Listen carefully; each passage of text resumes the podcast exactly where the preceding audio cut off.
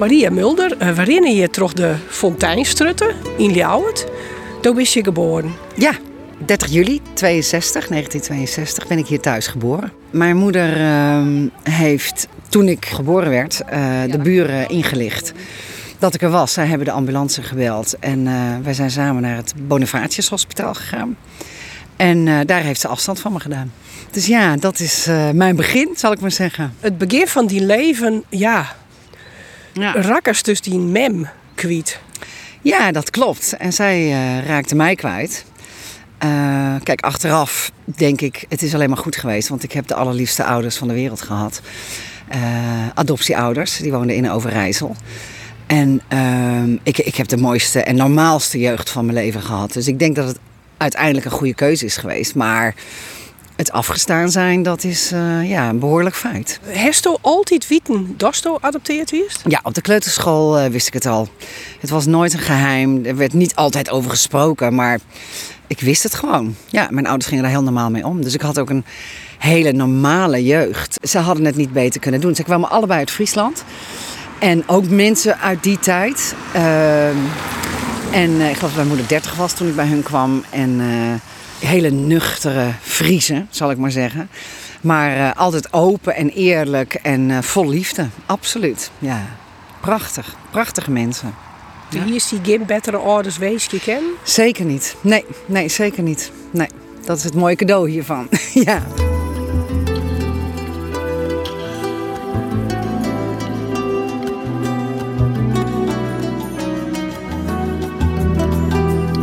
Vanaf mijn twintigste ging het wel kriebelen. Waar kom ik vandaan? En uh, dat, dat, ik mijn ouders vragen ging stellen. En uh, nou ja, goed, zij hadden natuurlijk wel uh, papieren van de Raad voor de Kinderbescherming.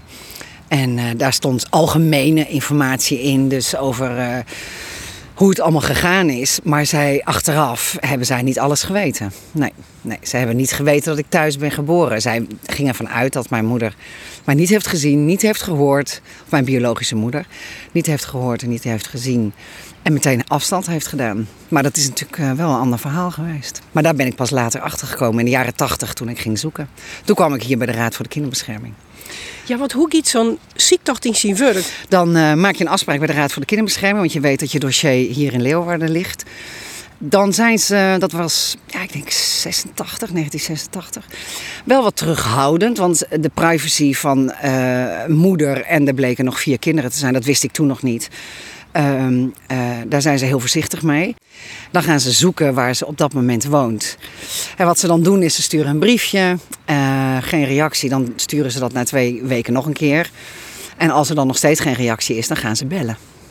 Nou, er is iemand naar u op zoek. Dus zo, zo doen ze dat. Ja. En wat wel heel bijzonder was, ik, de Raad voor de Kinderbescherming zat hier achter, zat het gebouw, ik weet niet precies meer. Maar zij wilde niet heel veel informatie geven. Maar toen vroeg ze mij, uh, of ik voor het raam wilde gaan staan. En toen zei ze van nou zie je die straat met die bomen en dat park. In die straat ben je geboren. Dus dat was voor mij wel... Ik kwam alleen maar om met de vraag... willen jullie op zoek naar mijn moeder? Maar toen kreeg ik dus te zien waar, uh, waar ik ben geboren. In die strutte steen wij nou? Ja, bijzonder. Ja. Want ja. door heeft een boekskrouwen over die hele ja. ja adoptieskiernis. Ja, klopt. Ja, niet alleen over adoptie, maar zeker over het afgestaan zijn, wat het met je doet.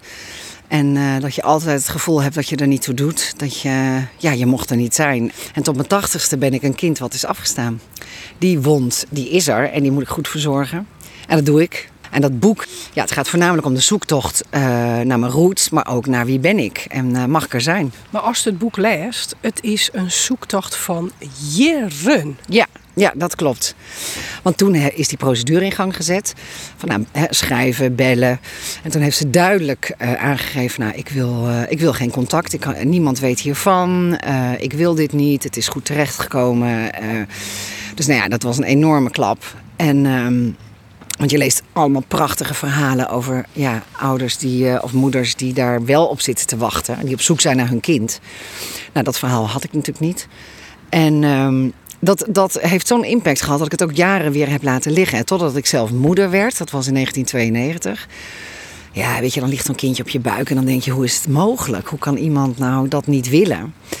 En ehm, toen heeft mijn man een brief naar haar geschreven. Die kwam ongeopend terug. Dus dat was wel, ook wel weer heel jammer en weer een klap.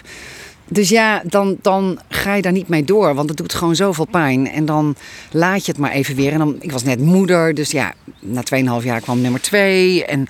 Dus de, de die allereerste afwijzing die er zo enorm jip inhakt, dat is het oudste wust bij de geboorte. En dan was die letter net Shen, dan komt dus afwijzing nummer 2. Ja, dat is verschrikkelijk. Dat is echt verschrikkelijk. Ja, dat snap je niet, want dan denk je van ja, zij heeft er misschien langer over kunnen nadenken. Ehm, ik ben een volwassen vrouw. Ik uh, vraag niet veel. Ik wil alleen misschien eenmalig een ontmoeting. Ik, ik ben niet op zoek naar een moeder, want die heb ik thuis. Die, uh, die is er. Maar goed, kijk, achteraf, na al die jaren, eh, begrijp ik nu wel. Want het was de jaren zestig. Ze was gescheiden. Ze had al vier kinderen. Dan word je onverhoopt zwanger. Hoe, dan, hoe dat is gebeurd, weet ik niet precies. Dus ik weet ook niet wie mijn biologische vader is. Um, dus ik, achteraf kan ik me wel voorstellen dat het voor haar ook een enorme impact heeft gehad. En ze heeft het altijd geheim gehouden voor haar familie, haar ouders, de kinderen. Dus ja, als er dan opeens iemand aanbelt, bij wijze van, dat is voor haar natuurlijk, uh, ja, dat was natuurlijk te groot. Daar kon ze niks mee. Maar goed, die af, afstand, de tweede keer en de derde keer, ja, dat was, uh, dat was gewoon de hel. Dat is echt zo pijnlijk.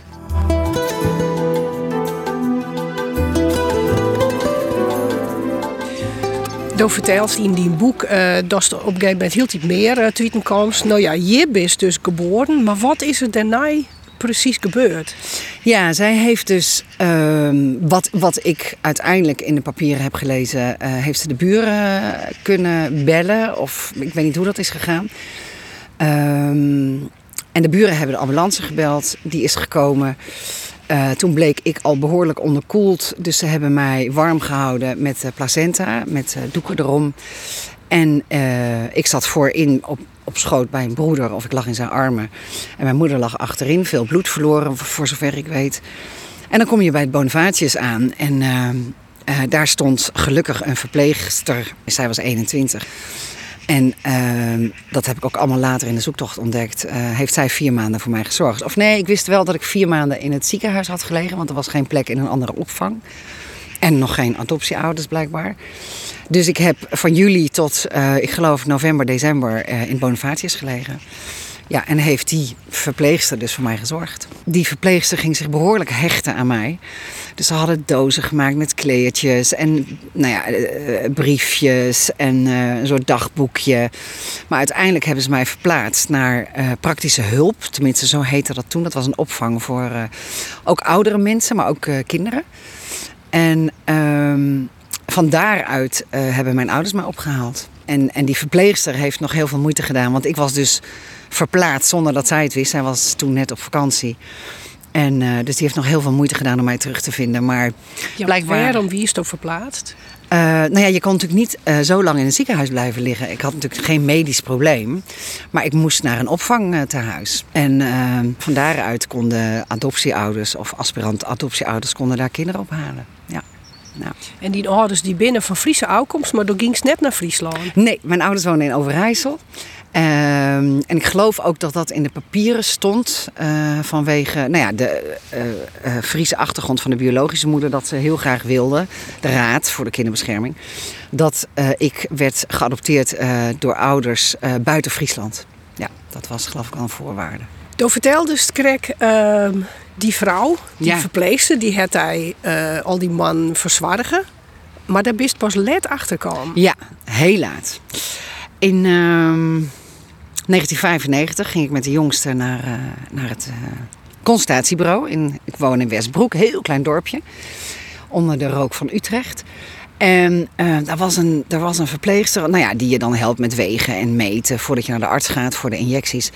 En zij was gewoon zo zaggerijnig en nors. En nou ja, ik kom binnen met Emma bij, bij de arts en ik zeg, nou, wat een, wat een zaggerijnige vrouw, nooit eerder gezien. Nou, zegt ze, ja, dat heb je met die Friesen. Die zijn altijd een beetje stug, hè? Dat, uh, dat weet je toch. Ik zeg, ho, ho, ik ben ook een Fries. En zij kende mijn voorgeschiedenis. Want bij de oudste had ze natuurlijk wel gevraagd naar uh, erfelijke ziektes in de familie. Dat soort dingen. Dus zij wist van mijn verhaal. En uh, die vrouw, die verpleegster, die kwam binnen.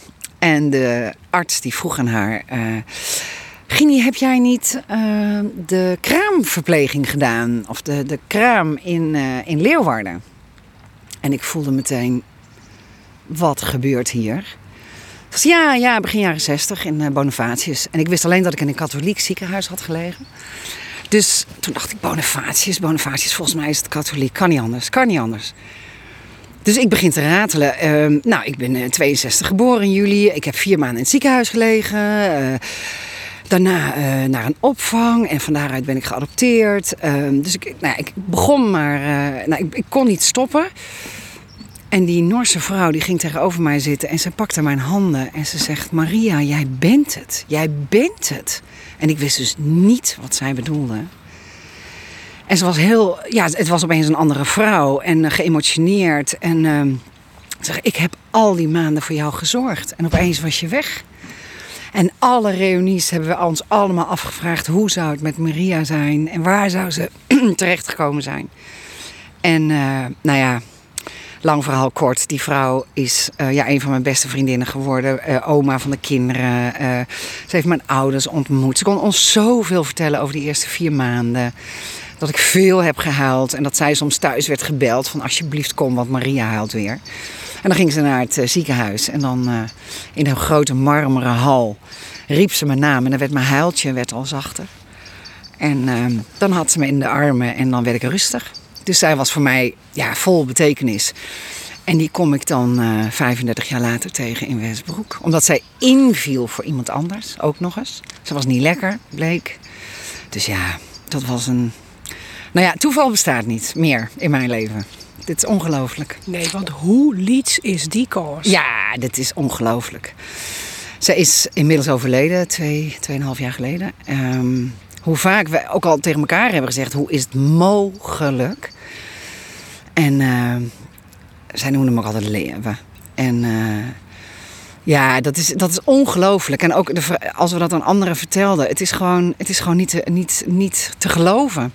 En dat is ook wel de kwink, kwinkslag in mijn boek geweest. Van toen dacht ik, ja, er is iets uh, uh, wat ons leidt, wat ons stuurt, wat ons vasthoudt. Ik weet niet hoe het in de, in de, in de universe werkt, maar ik ga, ik, toen wist ik inmiddels dat ik vier broers had. En toen uh, dacht ik, ja, weet je, met hulp van Gini en mijn ouders. Want mijn ouders hebben altijd aangespoord om door te gaan met zoeken.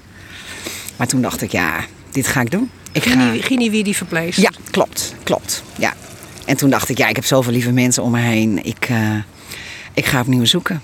Ja, want eigenlijk voest je van die mem erom. Ja, oh, absoluut. Weet je dat, je dat je altijd hebt gedacht van ik heb vier maanden of nou ja, tot de, de adoptie acht maanden alleen in een bedje gelegen en, en ik werd niet vastgehouden. Maar dat verhaal was dus wel heel anders. Ja, ja en het, het was ook een, een enorme spirituele vrouw. Ging heel voorzichtig met mij om. In het begin hield ze wat afstand. Ze zei, ja, ik kom heel dicht bij jouw wond. En daar moeten we voorzichtig mee zijn. Daar moeten we goed mee omgaan. Dus zij was ook, nou ja, een geschenk uit de hemel. Echt ongelooflijk ja, ook een enorme band met mijn ouders. Uh, want ja, zij was iemand die dus kon vertellen hoe ik was als baby. Uh, dat was voor mijn ouders natuurlijk ook een groot geschenk. Ja, dat was heel bijzonder.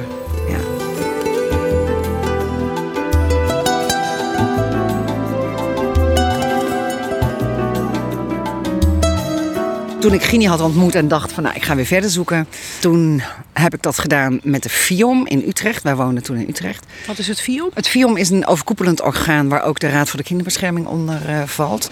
Zij houden zich bezig met afstammingsvragen. En uh, dus dan ga je dus niet meer uh, naar de Raad voor de Kinderbescherming, maar dan kan je dus ook bij de FIOM terecht. Dat heeft anderhalf jaar geduurd voordat ze alle vier gevonden hadden. En twee daarvan heb ik uiteindelijk ontmoet. Ja, dat is zo'n zo'n spoorloos verhaal, weet je. Dat je echt denkt, ja, er, komt er, komen er twee wildvreemde mannen binnen, maar ja, dat, dat zijn dan je broers. En toch weet je het ook. Je ziet het, je voelt het, maar ook weer niet.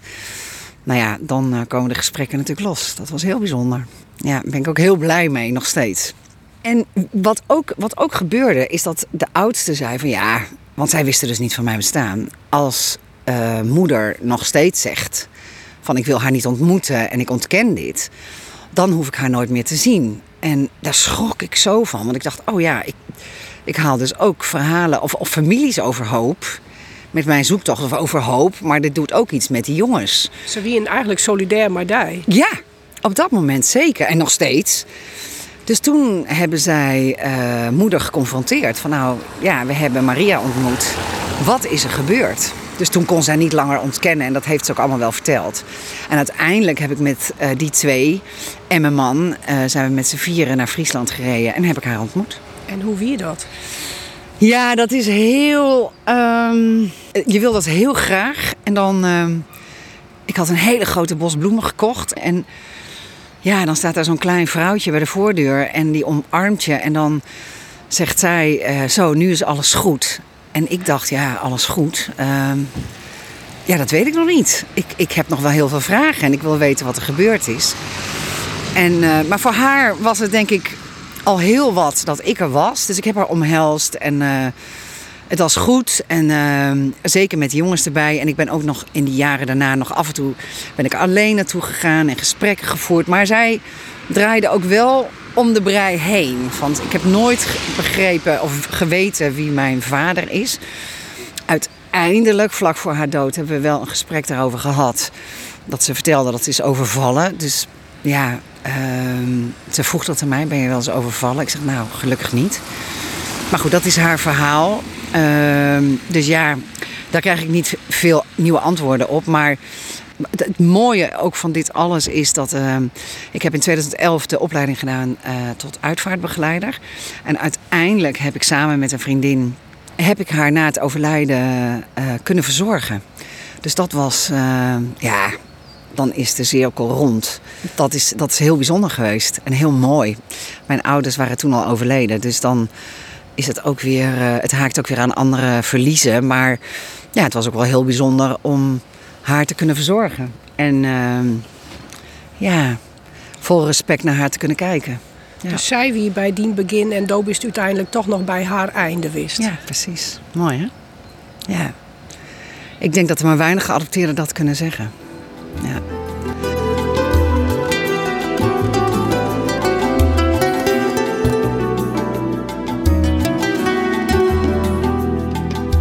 Voor mij ja, is mijn verhaal rond.